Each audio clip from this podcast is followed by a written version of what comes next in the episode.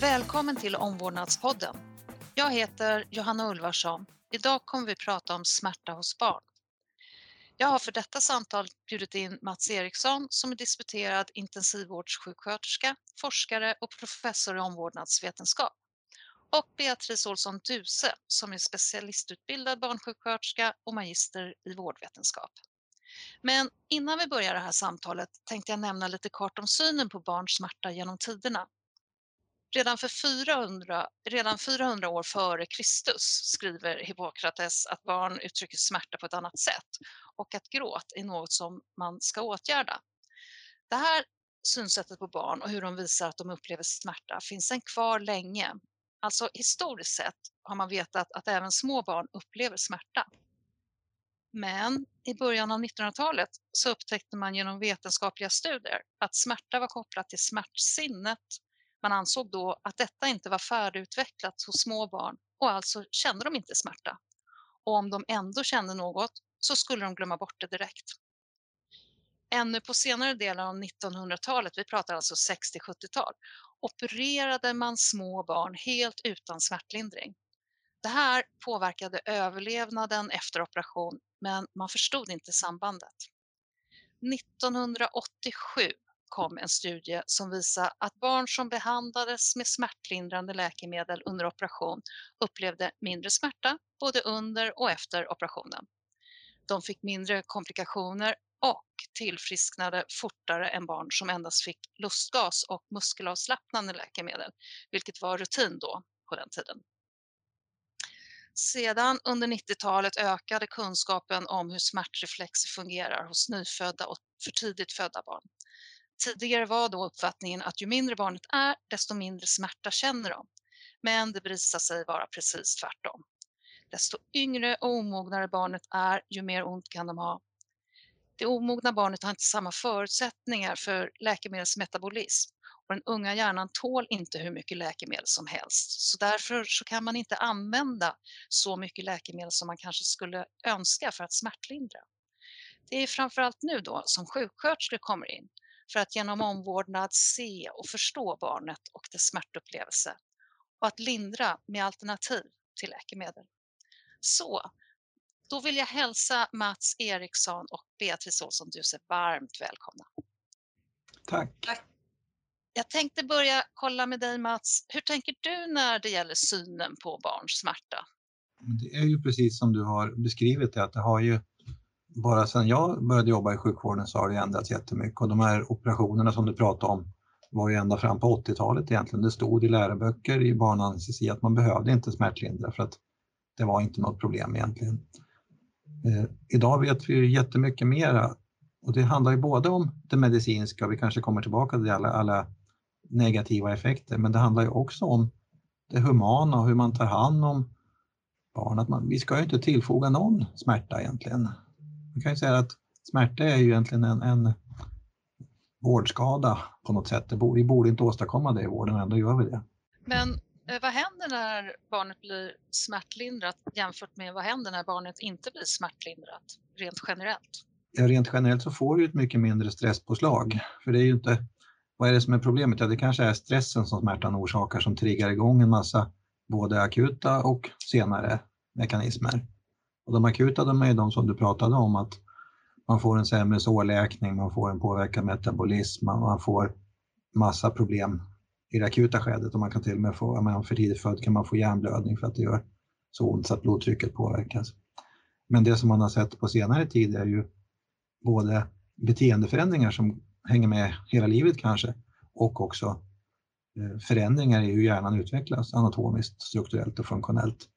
Så att om man tittar med funktionell magnetröntgen eller med PET-kamera, så då kan man se att hjärnan utvecklas på ett annat sätt om man har haft mycket smärta som liten. Oj, det låter ju otroligt. Alltså på vilket sätt uttrycker sig de här beteendeförändringarna och finns det någon, någon grad av smärta? Ja, men för det första är ju upprepad smärta värre än ett enstaka tillfälle. Eh, så att ju mera tillfällen, ju mera problem får man senare. Man brukar säga att i den akuta fasen, då, då orkar man ju, om ni pratar om nyfödda barn och för tidigt födda barn, så orkar man ju reagera med att man, man liksom visar det, man går igång, man triggar igång fight and flight flyktmekanismen och pulsen går upp och man vill liksom iväg från det där. Men upprepar man smärtan eller den pågår längre tid, då orkar man inte det riktigt längre. Utan då blir det mer som en, nästan man brukar säga som ett depressivt tillstånd istället. Man blir slapp och man orkar inte reagera. Och sen så småningom, kanske när man kommer upp i, i tonåren, då har man igen ett förändrat smärtbeteende som ja, kan liknas vid fibromyalgi till exempel, att man är känslig på punkter som inte borde göra ont annars. Att man, man, så det där hänger med, liksom, men det förändrar sig under tiden. Eh, jag bara helt osökt kom att tänka på att eh, ganska många av våra kollegor och sjuksköterskestudenter, de, de eh, säger att de bestämde sig för att bli sjuksköterska när de själva som barn låg på sjukhus och upplevde eh, ibland väldigt positiva saker men ibland ganska negativa saker som de kände att det här vill jag ändra på. Eh, mm. och det kan ju absolut vara en sån då trigger att de har upplevt för mycket smärta. Beatrice, blir barn smärtlindrade i den utsträckning som de borde? Då vill jag ju svara nej. Det finns jättemycket kvar att göra där. Eh, som jag ser det, för att det finns mycket utifrån, om man tänker ett ledningsperspektiv för hälso och sjukvården, eh, så finns det mer att önska. Eh, jag tänker inom barnhälsovården, där har vi många vaccinationer. Där skulle man kunna efterfråga det när man gör den årliga statistiken och rapporterar in vaccinationerna, våra system när vi dokum dokumenterar eh, skulle det också vara väldigt bra om det alltid krävdes att jag som sjuksköterska var tvungen att fylla i. Har barnet fått smärtlindring och vad har barnet fått för smärtlindring? Eh, jag tänker också att jobbar man som eh, chef, verksamhetschef, omvårdnadschef, chef, chefsjuksköterska, det heter, har många olika benämningar, men man har ett ganska stort ansvar eh, att lyfta just den här omvårdnadsbiten och verkligen se till att kunskap når ut till de som arbetar närmst barnen, men också att vi använder den kunskap och forskning som finns. Mm. Eh, just när du säger vaccin, jag eh, är ju barnsjuksköterska också eh, och jag har arbetat under en period på BVC och det var ju jätteroligt och fantastiskt tycker jag. Men nu på senare tid så har jag hört att det, alltså det, det, hände inte på min tid, men å andra sidan är man rätt ensam som BVC-sjuksköterska. Men att alltså sjuksköterskor ger vaccin i bägge låren samtidigt på det lilla barnet. Eh, för något sätt så ska det där föreställa ett stick. Jag, jag, bara känner, oj, det skulle inte jag själv vilja vara med om, att få två injektioner samtidigt. Eh, men är det, är det helt okej okay? och är det jag som är liksom mossig? Och, och vad, vad, säger du Beatrice? Jag ser Mats här, han skakar på huvudet och jag instämmer. Forskningsevidensen är väldigt låg. Eh, det bygger nog på den gamla tanken om gate control-teorin. Men det har ju också visat sig i forskningen att det är mycket mer komplext än så och jag instämmer i det du eh, säger Johanna lite kring att, att så brukar jag lägga fram det också. Skulle du vilja ha så mycket smärta att du känner att det här är mer än vad jag klarar av? Eller skulle du vilja ha smärta så du känner att det är eh, medmänskligt, okej, okay, jag klarar av det här? Och jag skulle nog säga att man vill ha eh, det sistnämnda.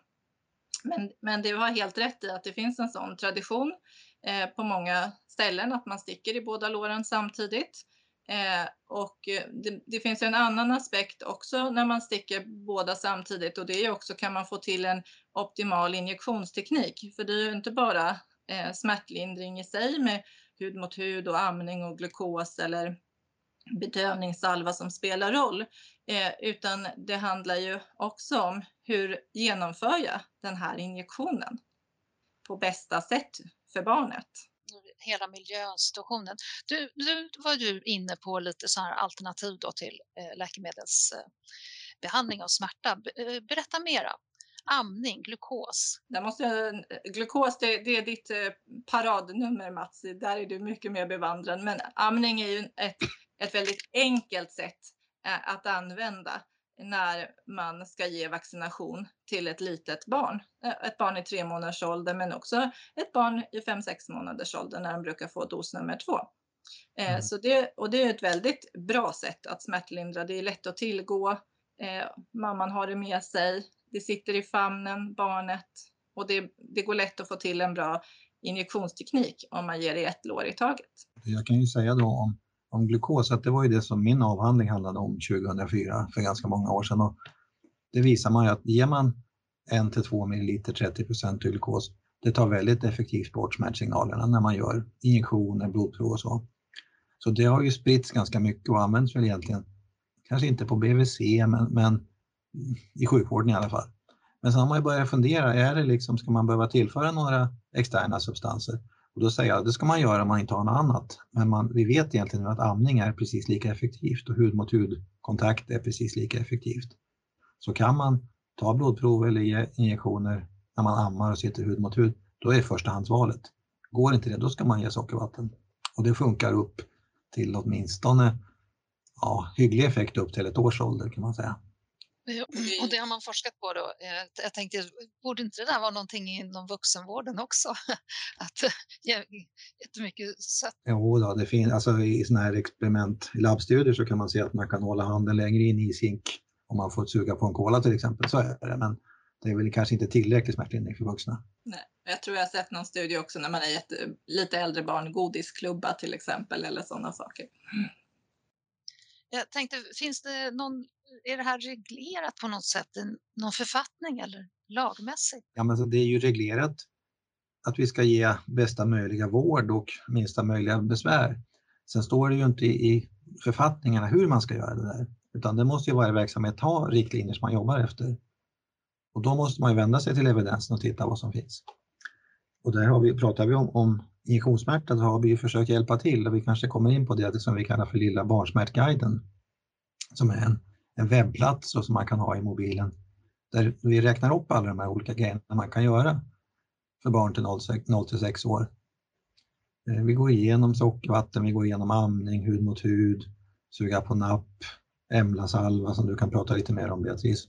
Mm. Och så, så att det finns ju ett helt batteri av saker man kan göra och det ska ju verksamheterna jobba efter. Men det sitter hårt inne ibland. Det är svårt att få folk att ta till sig ny evidens utan man gör som vi sa nyss, som vi alltid har gjort. Och jag tycker ju när man pratar om det Mats, lagen, liksom, vad, vad, säger den egentligen? Och vi ska ju inte, precis som vi har varit inne lite på, orsaka barnet lidande i, i onödan. Eh, och då kan man ju säga att egentligen då, då blir det självklart att smärtlindra. Eh, för att vi, vi ska ju inte tillfoga patienten mer smärta än nödvändigt. Mm. Så det blir naturligt och, och kommer man in lite på precis det här som du var inne på med riktlinjer och så, så där för barnhälsovården så har ju de en, en egen metodbok eh, och, och, där finns ju de här delarna också upptagna som vi har pratat om. Lilla smärtguiden, den eh, lät blir jag nyfiken på. Vad, vad, är det? Är det någonting du har arbetat med Beatrice? Ja, jag har arbetat eh, och tagit fram den tillsammans med Mats Eriksson och så har vi haft eh, Stefan Lundeberg eh, Eh, med som sakkunnig och som har granskat innehållet. Eh, så där har vi ju samlat eh, precis det som Mats pratade om, delar så att man på ett lätt sätt ska kunna hitta vad kan jag göra, dels kopplat till ålder men också vad finns det att tillgå. Men jag tänker Mats, du ska få berätta lite om bakgrunden och hur var det vi kom fram till det? Ja, egentligen så vi gjorde den därför att du och jag var ute och föreläste för de här sjuksköterskorna som ger Synagis, som gör då RS-profylax. Och det ska göras flera gånger per säsong. Det gör väldigt ont, det är ett av de läkemedel som gör ondast att injicera. Och barnen, de här sjuksköterskorna och föräldrarna upplevde att de här barnen, de lärde sig det där, de, de reagerade ju väldigt mycket och det var väldigt jobbigt för alla parter med, med just de injektionerna. Eh, så då var vi ute och pratade och då dök tanken upp att visst, vi kan göra det här, men, men det borde finnas tillgängligt för alla. Så då med stöd av den firman som då sålde Synagis AGIS eh, fick vi jobba fram den här webbplatsen och mobilapplikationen. Eller det är egentligen en webbplats som funkar i mobil kan man säga. Och då gjorde vi det i form av workshops. Så vi träffade sjuksköterskor som jobbade med injektioner på två ställen och så berättade vi om smärta och sen så fick de jobba i grupper. Vad, vad behöver man tänka på ur föräldraperspektiv, ur barnperspektiv, ur sjuksköterskans perspektiv?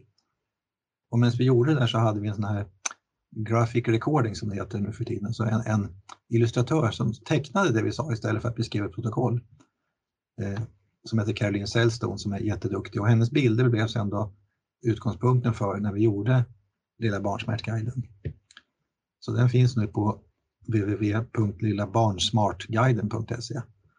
Så där tycker jag ni ska gå in och titta och ta till er. Ja, kul. Och du arbetar med den Beatrice. Hur, hur, på vilket sätt ger det sig uttryck? Alltså är du ute och föreläser och presenterar den eller? Ja, det, det, gör vi väl inte. Vi har ju varit både i media när den lanserades så var vi ju på SVT så blev jag intervjuad och Stefan Lundeberg var intervjuad. Eh, och sen så har vi ju spridit den genom olika media får man väl säga och genom Barnbladet har vi haft reportage, Riksföreningen för barnsjuksköterskors eh, medlemstidning. Eh, så där har vi också haft ett reportage om den och eh, vi har ju också nått ut till de här sjuksköterskorna som har varit med när vi tog fram den och till andra sjuksköterskor som ger Synagis. Och sen har vi också varit i kontakt med, med barnhälsovården och spridit den, den vägen också. Mm. Vi vill ju gärna att den ska länkas ifrån Rikshandboken och de diskussionerna pågår men det har vi inte riktigt nått fram än.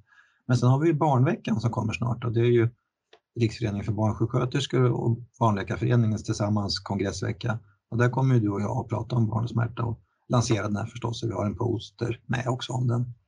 Ja, när, när, när i tiden infaller barnveckan eftersom det här är en podd som man kan lyssna på när Precis. som helst? Det är sista veckan i september på Karolinska. Varje år?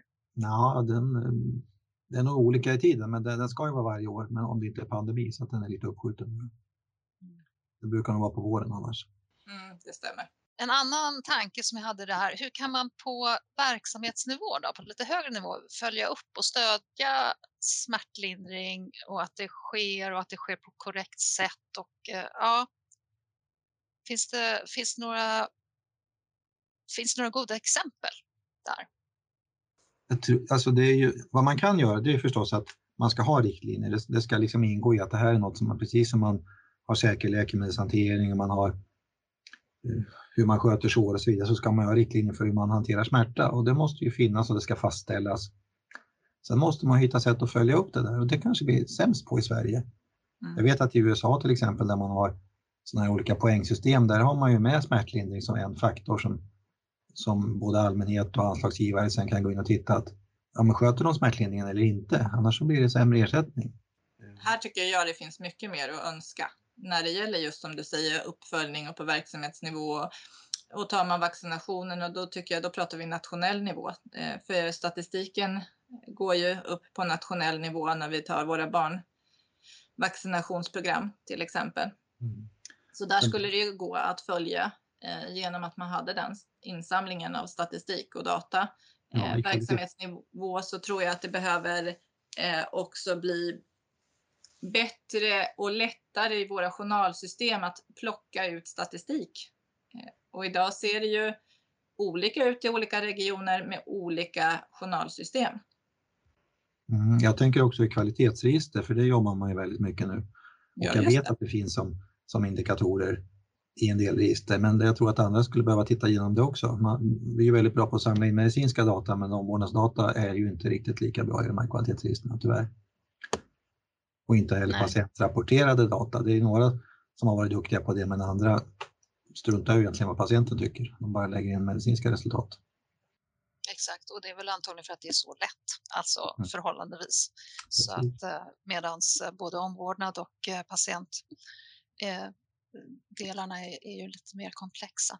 Men det går ju. Reuma till exempel har ju varit duktiga på att få med patientperspektivet i sitt kvalitetsregister och det, det skulle ju andra kunna göra också och vinna så otroligt mycket på det. Mm. Mm. Håller med. Jag tänker eh, föräldrarna, hur engagerar man föräldrar i eh, smärtomhändertagandet? Och då, och då tänker jag faktiskt inte på långvarig smärta utan jag tänker på den här akuta smärtan. Ja, det gäller ju att nå dem så att de förstår. Vi vill ju egentligen att föräldrarna ska komma till vården och kräva smärtlindring för sina barn. De ska inte vara nöjda med att eh, BVC-sköterskan eller vem på barnmottagningen säger att ja, men okej, okay, det, det blir stick, men det går fort över, det är inte så farligt, det får man tåla. Det ska ingen förälder gå med på, de ska skydda sina barn. Och då vill vi nå ut, så vi vill ju att de också ska ta del av Lilla Barnsmärtguiden och veta vad som finns och fråga efter det när de kommer. Och vi jobbar ju mycket ihop med, med Kanada till exempel i, i vår forskargrupp och de har varit jätteduktiga på det här. Det finns många sådana här mammapoddar och mammasajter och så eh, som också sprider informationen om vad kan jag som förälder kräva när jag kommer till sjukvården. man ska vara en besvärlig förälder faktiskt. Mammapoddar, varför inte pappa, alltså föräldrapoddar? Okay. Jag var i Kanada, vet du. De har inte kommit, de har inte kommit mm. riktigt lika långt. Eh, provtagning då, Beatrice? Ja, du tänkte säga något? Ja, men jag, jag bara instämmer i att föräldrar, och det såg man ju, tänker jag, när vi lanserade Lilla Barnsmärtguiden och då hade ju SVT ett chattforum och där kom det också många frågor och föräldrarna delade ju historier över också vad de inte hade tyckt varit bra med sjukvården när de hade mött sjukvården, när barnet inte hade fått eh, det som de faktiskt ville ha, ordentlig smärtlindring till barnet i, i den här situationen. Eh, så, så ordentlig smärtlindring är väldigt viktigt och man behöver ju informera föräldrar också. Eh, varför det behövs och vad vi vet inom forskningen eh, och så. Så att man har dem med på tåget. Mm. Men när man tar eh, provtagning då, det, det, är ju någonting som vi eh, inte kan komma ifrån när vi arbetar med eh, sjuka barn. Eh, Beatrice, hur ska man tänka där? Ja, men det ska man ju anpassa, tänker jag, det man omvårdnadsåtgärden behöver ju anpassas till barnets ålder. Vem är det jag har framför mig? Eh, och någonstans behöver jag också kanske fråga föräldrarna eller barnet beroende på ålder då. Eh, har man varit med om det förut? Hur gick det då och hur upplevde man det? Eh, för det är ju faktiskt väldigt viktigt att ta reda så att du har lite bakgrundsinformation. Eh, och vem har du framför dig? Du kanske har någon som är väldigt stickrädd eh, och som har blivit det. Du kanske har varit någon situation som barnet kan berätta om.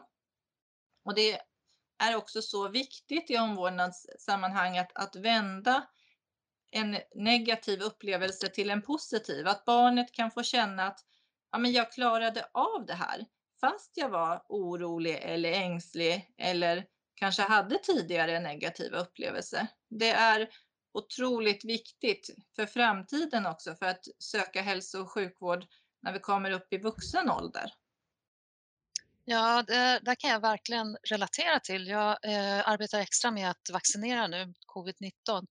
Och eh, nu när de yngre åldersgrupperna kommer, eh, vi har ju 16, 17, 18 åringar. så, eh, då kom, eh, alltså de, den äldre befolkningen då, den första som vi vaccinerade, de, de eh, är rätt coola. De, eh, de, liksom, de kunde säga att de var rädda för sticket men sen så satt de ändå stilla. Men nu har vi mött eh, personer som alltså gråter och skakar redan när vi ska ge dem ordinationen på vaccinet för att de är så rädda. Eh, på den centralen där jag arbetar så har vi sån tur att vi har en fullkomligt fantastisk sjuksköterska som tar hand om de här som är riktigt, riktigt rädda. De vill ligga ner när de får vaccinet. Eh, hon ger dem all tid de behöver. Vi, alltså, vi har ju förstås slottar på ungefär fem minuter per, eller inte ens det, två minuter per patient. Det ska ju flöda på. Men eh, eh, hon, alltså behöver de 45 minuter, då får den här personen 45 minuter. Hon gör ingenting utan att de är överens och hon får dem att skratta också. Så att eh, det är, jag är så lycklig över att kunna skicka in de här riktigt rädda till henne. Be, behövs det sådana och är det, är det, ska liksom, jag tänker så här, är det egentligen vårt uppdrag? Eh, eh eller hur ska man tänka? Beatrice? Ja, men jag tänker att det är vårt uppdrag. Eh, absolut. Eh, det är självklart att barnet ska få den tid den behöver för att eh, ja, men kunna ta till, i det här fallet som du pratar om så är det ju vaccinationer.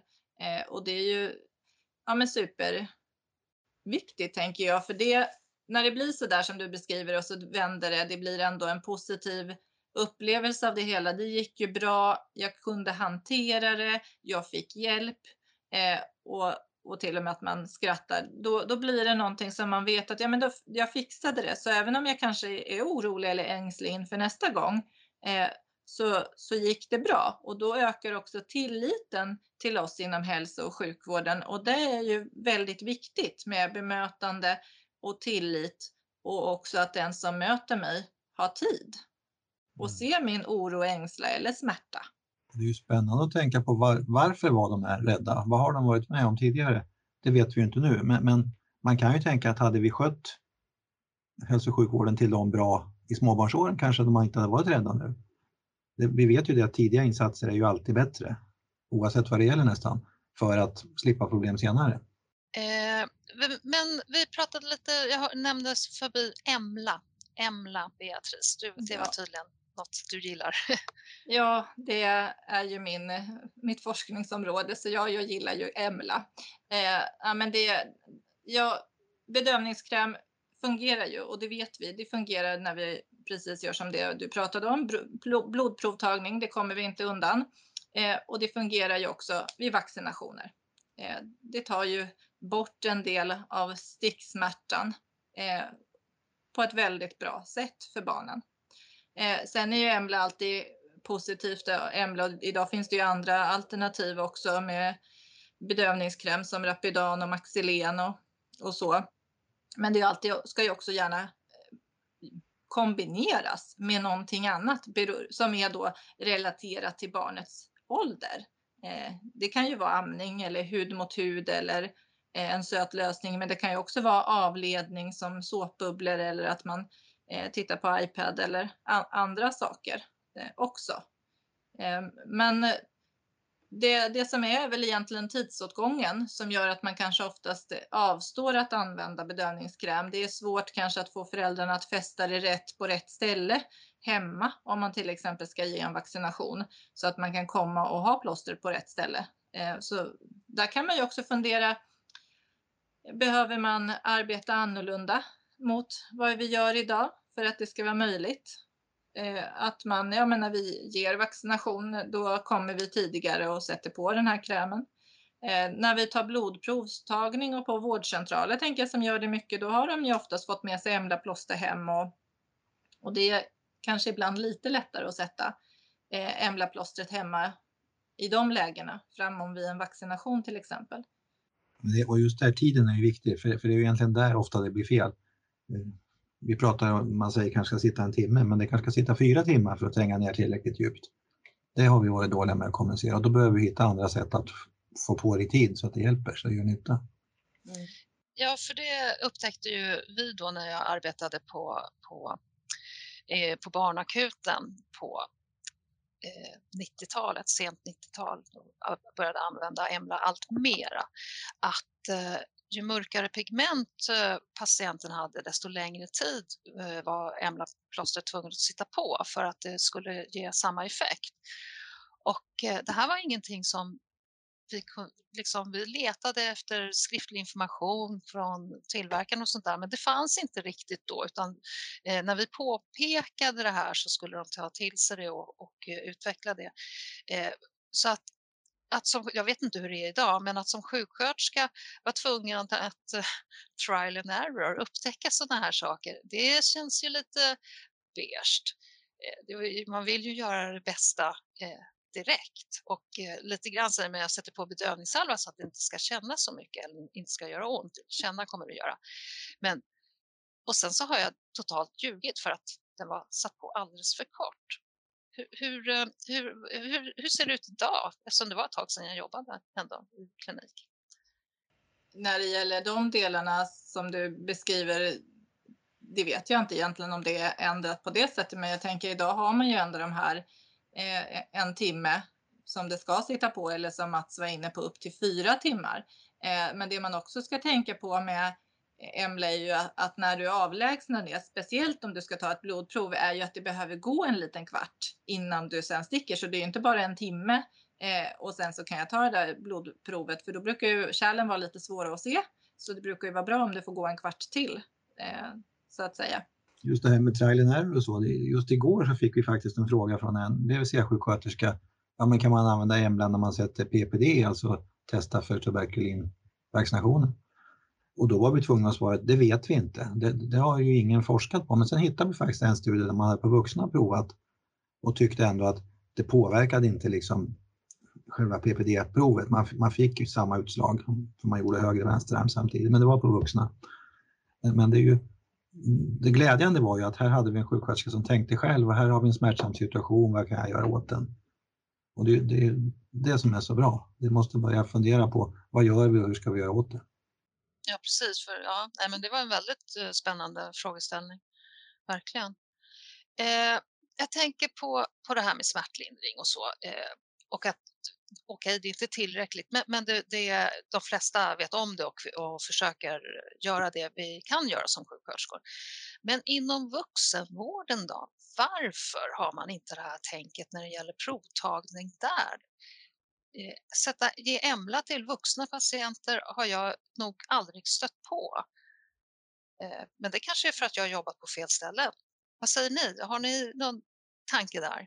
Jag, jag tänker, jag har ingen stor erfarenhet av vuxenvård, eh, men det är klart att det går att använda EMLA även i vuxenvården. Jag tycker det är väldigt viktigt eh, när man träffar vuxna patienter och ska ta eh, blodprov eller sätta en infart eller någonting, så om man frågar, det är viktigt att fråga, hur upplever du det här?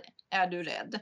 Eh, då kan ju faktiskt en del vuxna berätta om, om dåliga minnen i barndomen och som gör att de är oroliga. Eh, så får man den ingången och den dialogen, då kan man ju också resonera. Skulle det kännas eh, bra att eh, få EMLA eller inte, eller tycker du det går bra ändå? Eh, man kan ju avleda på andra sätt med vuxna genom att man pratar samtidigt som man eh, genomför proceduren och det finns ju även andra ja, delar man kan göra. Mm. Men det viktiga är ju egentligen samma tänk som för barn, att vi är individuella, att vi ska möta patientens behov och en del är ju också vuxna mer smärtkänsliga och en del eh, ligger mer på det psykologiska planet. Men, men har man bekymmer med smärta och stick, det är klart att de också ska ha smärtlindring. Och det är också sjukvårdens ansvar för att det underlättar så mycket annat sen. Jag kan bara instämma. Och man kan också säga någonting om man backar tillbaka lite Johanna till eh, det du pratade om EMLA.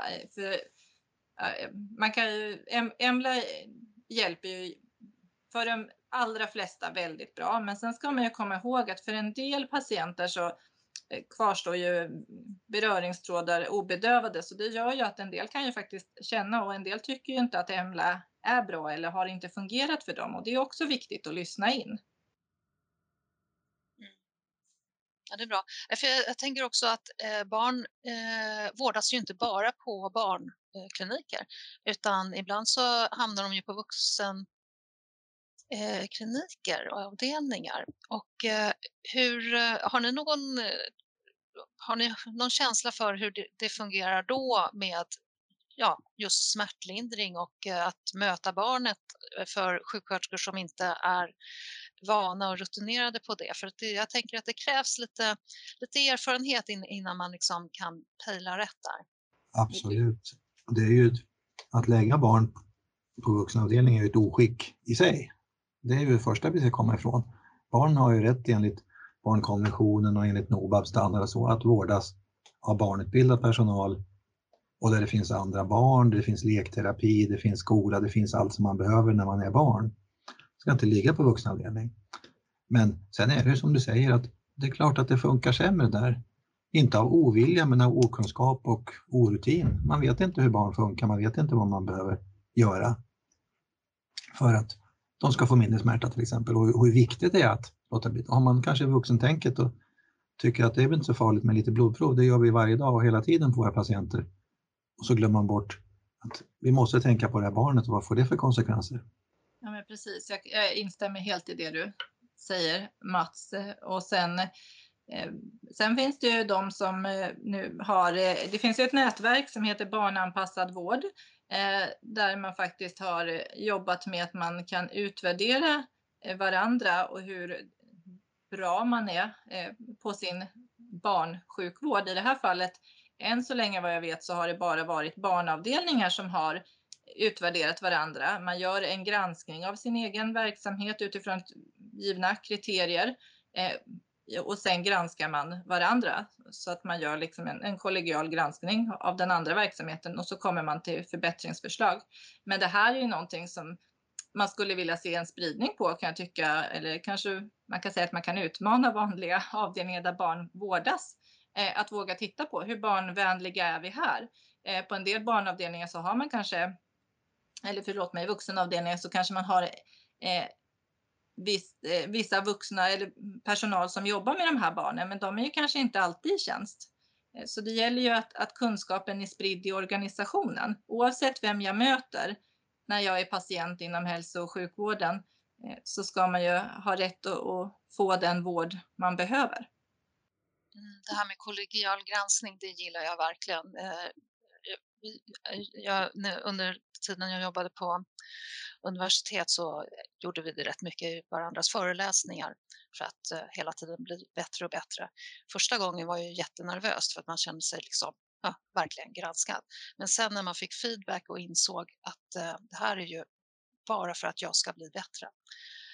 Vad bra, vad glad jag blir att det finns eh, och ja, jag hoppas att många tar till sig det här. Eh, jag tänkte kolla med dig Mats, eh, vad, vad, finns det för spännande forskning i pipeline nu när det gäller barn och smärta? Ja, när, när det gäller Idag så vet vi ganska mycket om, om väldigt mycket som fungerar och åtminstone i, i min eller vår grupp då som heter Pain in Early Life, PEARL, och där också Beatrice är med på ett hörn, eh, tittar vi mycket på föräldrarnas roll i smärtlindring. Både vad kan föräldrarna göra? Där har vi dragit igång ett stort nytt projekt där vi tittar också på eh, föräldrar, föräldrar som sjunger för barnen. Eh, det handlar om nyfödda barn och kan den sången tillsammans med hud mot hud och så vidare, kan det hjälpa till och hur kan man engagera föräldrarna? Så det startar nu en stor multicenterstudie eh, som heter Svepapp där vi ska titta på föräldrar som smärtlindring i nyföddhetsvården. Det handlar ju också om förstås då implementering av andra saker. Sen finns det ju, det sker jättemycket också medicinsk forskning förstås där sjuksköterskor är med eh, inom intensivvården och då kan det ju handla om om man gör på det ena eller det andra sättet, hur, hur påverkar det, hur kan vi mäta den här smärtan till exempel? Inom mitt område som är neonatal intensivvård så, så behöver man ju behandla barn med kylning ibland, hypotermi och det tror vi ju är ganska smärtsamt. Eh, det är rimligt att det är det, men man är ofta dålig på smärtlindra. Så där pågår ett projekt där vi egentligen samlat in mycket data nu och ska börja analysera hur, hur påverkar smärtan och vad ska man göra åt det. Mm. Så att omvårdnad och medicin går ju hand i hand på något sätt. Det är inte frånkopplat. Och det, ja, men det gör ju verkligen det. Är jättebra att du säger det, för att det går inte att eh, separera de olika professionerna från varandra. Och det tänker jag egentligen också gäller när det gäller behandling. Man pratar ju om multimodal behandling. Man brukar tänka sig en pyramid. Och då, det man alltid ska göra, det är ju att eh, se till att allt är bra i botten, att man är förberedd som patient eller som barn i det här fallet, att man är mätt, att man är torr i blöjan, att det är tryggt och lugn miljö. Sen ska man lägga på det här med olika typer av distraktion och det kan ju vara hud mot hud men det kan vara blåsa såpbubblor eller titta på film eller prata med en robot eller klappa en hund, det finns ju vårdhundar. Den delen. Och bygga upp, för ju mer man gör det här bra, ju mindre läkemedel behöver man. Det har forskningen visat. Men toppen på pyramiden är alltid som man kallar för utökad farmakologisk behandling. Ibland behöver man ge läkemedel. Man får inte säga att ja, men ni kan gå in med lite omvårdnad här, eller ge lite sockervatten så kan vi göra vad vi vill med barnen. Så är det ju inte alltid. Utan det handlar jättemycket om vilken situation det är, hur barnet upplever det och vad man ska göra. Så det får man inte glömma. Så den här multimodala, den här pyramiden är jätteviktig att komma ihåg. Men också då att ju bättre vi är på omvårdnadsbitarna, ju mindre läkemedel behöver man och läkemedel har ju alltid biverkningar. Mm. Allting som har en verkan har en biverkan. Mm. Eh, Beatrice, du nämnde att du, EMLA var ditt forskningsområde. Eh, mer exakt, vad är din forskningsfråga? Eh, EMLA som smärtlindring vid pneumokockvaccination. Ja, okej. Okay. Kul. Mm. Eh, jag, jag, tänker att vi måste börja avrunda här alldeles strax. Eh, men innan vi gör det så vill jag bara fråga om ni har koll på en sak. Sommarens heta ämne, det var ju det här med tungklipp. Ett helt nytt begrepp för mig. Alltså på riktigt, jag känner mig väldigt borta där i den diskussionen och upptäcker att det här är någonting som förekommer på riktigt. Är det någon av er som har någon åsikt? Vad, är det, vad händer? Ja, nu, tappar, nu drar jag efter andan här, för det där har jag väldigt mycket åsikter om.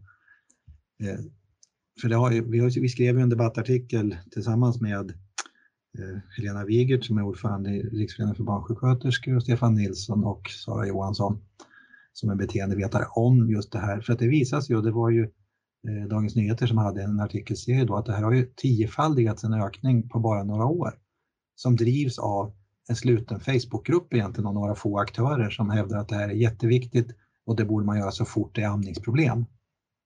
Eh, jag tror att det finns absolut fall där man behöver, där tungbandet är ett problem och det behöver klippas eller tas av. Men då ska det göras med adekvat smärtlindring, det ska göras inom sjukvården på ett, ett korrekt sätt och det finns mycket, mycket annat man kan göra innan man behöver hamna där.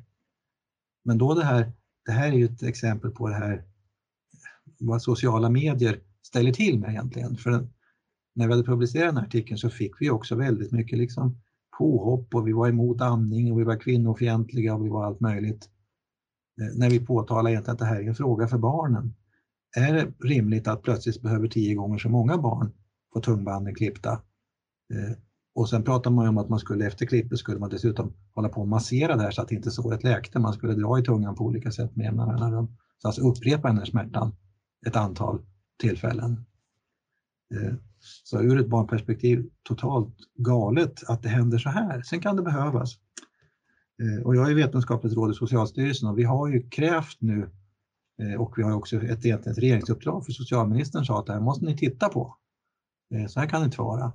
Så att det ska jag se till i höst att verkligen Socialstyrelsen tar tag i det här och gör en utredning där man tittar på amningsperspektivet förstås, men också barnperspektivet. Det får man inte glömma. Nej, och med den bakgrunden som du har pratat om här tidigare med att eh, upprepad smärta eh, kan ge bestående men och, och mm. den här, som Beatrice berättade, den här starka eh, smärtan är så mycket värre än lite mer, mindre. Ja, jag kära någon. Vad säger du Beatrice? Jag instämmer där i det Mats säger och det jag tycker också är ju verkligen viktigt det som du lyfter Mats, det här med amningsperspektivet, för där tror jag att det finns mer att önska eh, att när amningen inte fungerar behöver man ha rätt till adekvat stöd. Och det är nog inte riktigt så. Det ser olika ut beroende på var i landet du bor och vem du möter. Och så någonstans kan inte vi tycka att det är okej eh, att det är inom hälso och sjukvården. Du måste ju ha rätt till samma stöd eh, vart du än bor geografiskt sett. Det handlar ju om jämlik vård. Eh, så. Och sen så tror jag verkligen också på det här att när ni tittar på den här frågan så tror jag att där finns det en hel del att titta på också när det gäller för de barn som måste klippa tungbanden. Vad ger man då för smärtlindring och hur ser man på det här? Hur blir, vad blir konsekvenserna för barnen? Eh, mm. Jag tänker lite på den här studien som, vi har den många år på nacken, eh, men den som visade att pojkar som hade varit med om omskärelse utan smärtlindring eh, när de var små reagerade kraftigare vid vaccination Eh, kan vi se ett sådant samband om man eh, som liten har fått sitt eh, tungband klippt? Hur reagerar man då vid vaccination? Är det starkare för att man inte har fått adekvat smärtlindring? Mm. Spännande, jättespännande. Eh, jag tänker att vi nu verkligen behöver avrunda. Eh, är det, har ju, alltså smärta är ju smärta, men finns det någon, in den bästa av världar eller någon, någon, någon någon situation när det verkligen, verkligen fungerade? Ni får varsin chans. Vem vill börja? Jag tycker att vi ser många situationer där det verkligen fungerar, där man har tagit till sig det här, där man, där man jobbar. Det kan ha varit svårt. Min värld är neonatalvården och eh, det här att man ska sticka hud mot hud till exempel. Som, det är ju jättesvårt på många ställen för det är trångt. Var ska föräldrarna sitta om de ska hålla barnet hud mot hud? Ska sjuksköterskan ligga på knä på golvet? Men man jobbar fram lösningar, man skaffar bättre stolar, bättre sängar. Eh, man ser att det här är bra för barnen. Så jag har ingen sån där en enskild episod, men jag tycker att trenden är väldigt bra. Det händer mycket som är bra. Sen har vi pratat om allt som fortfarande inte funkar, men att, att man som sjukvårdspersonal känner att det här är mitt ansvar att se till att barnen får så lite ont som möjligt. Jag ska göra allt jag kan och att jag ska ta med föräldrarna. Det är liksom mitt positiva exempel. Men jag instämmer också att det händer mycket. Och jag tror det mycket handlar om egentligen nu att eh, chefer och ledare efterfrågar Eh, att det här utförs, att det är implementerat, att man vågar titta på sin verksamhet. Är det här implementerat? Arbetar vi som evidensen säger att vi ska göra? Mitt område är ju mer vaccinationer, barnhälsovård, skolhälsovård. Eh, så liksom, och där också där, titta på, gör vi det eh, vi säger att som vi vet är gott och, och bra för barnet? Så jättemycket. Tack för att ni ville komma hit och dela med er av era klokheter och fantastiska kunskap. Mm. Tack för att vi fick vara med. Det här det ligger oss varmt om hjärtat kan jag säga. Jag säger också tack så mycket. Du har lyssnat på Omvårdnadspodden, en podd producerad av Svensk sjuksköterskeförening. Fler avsnitt hittar du på vår hemsida, Youtube eller där poddar finns.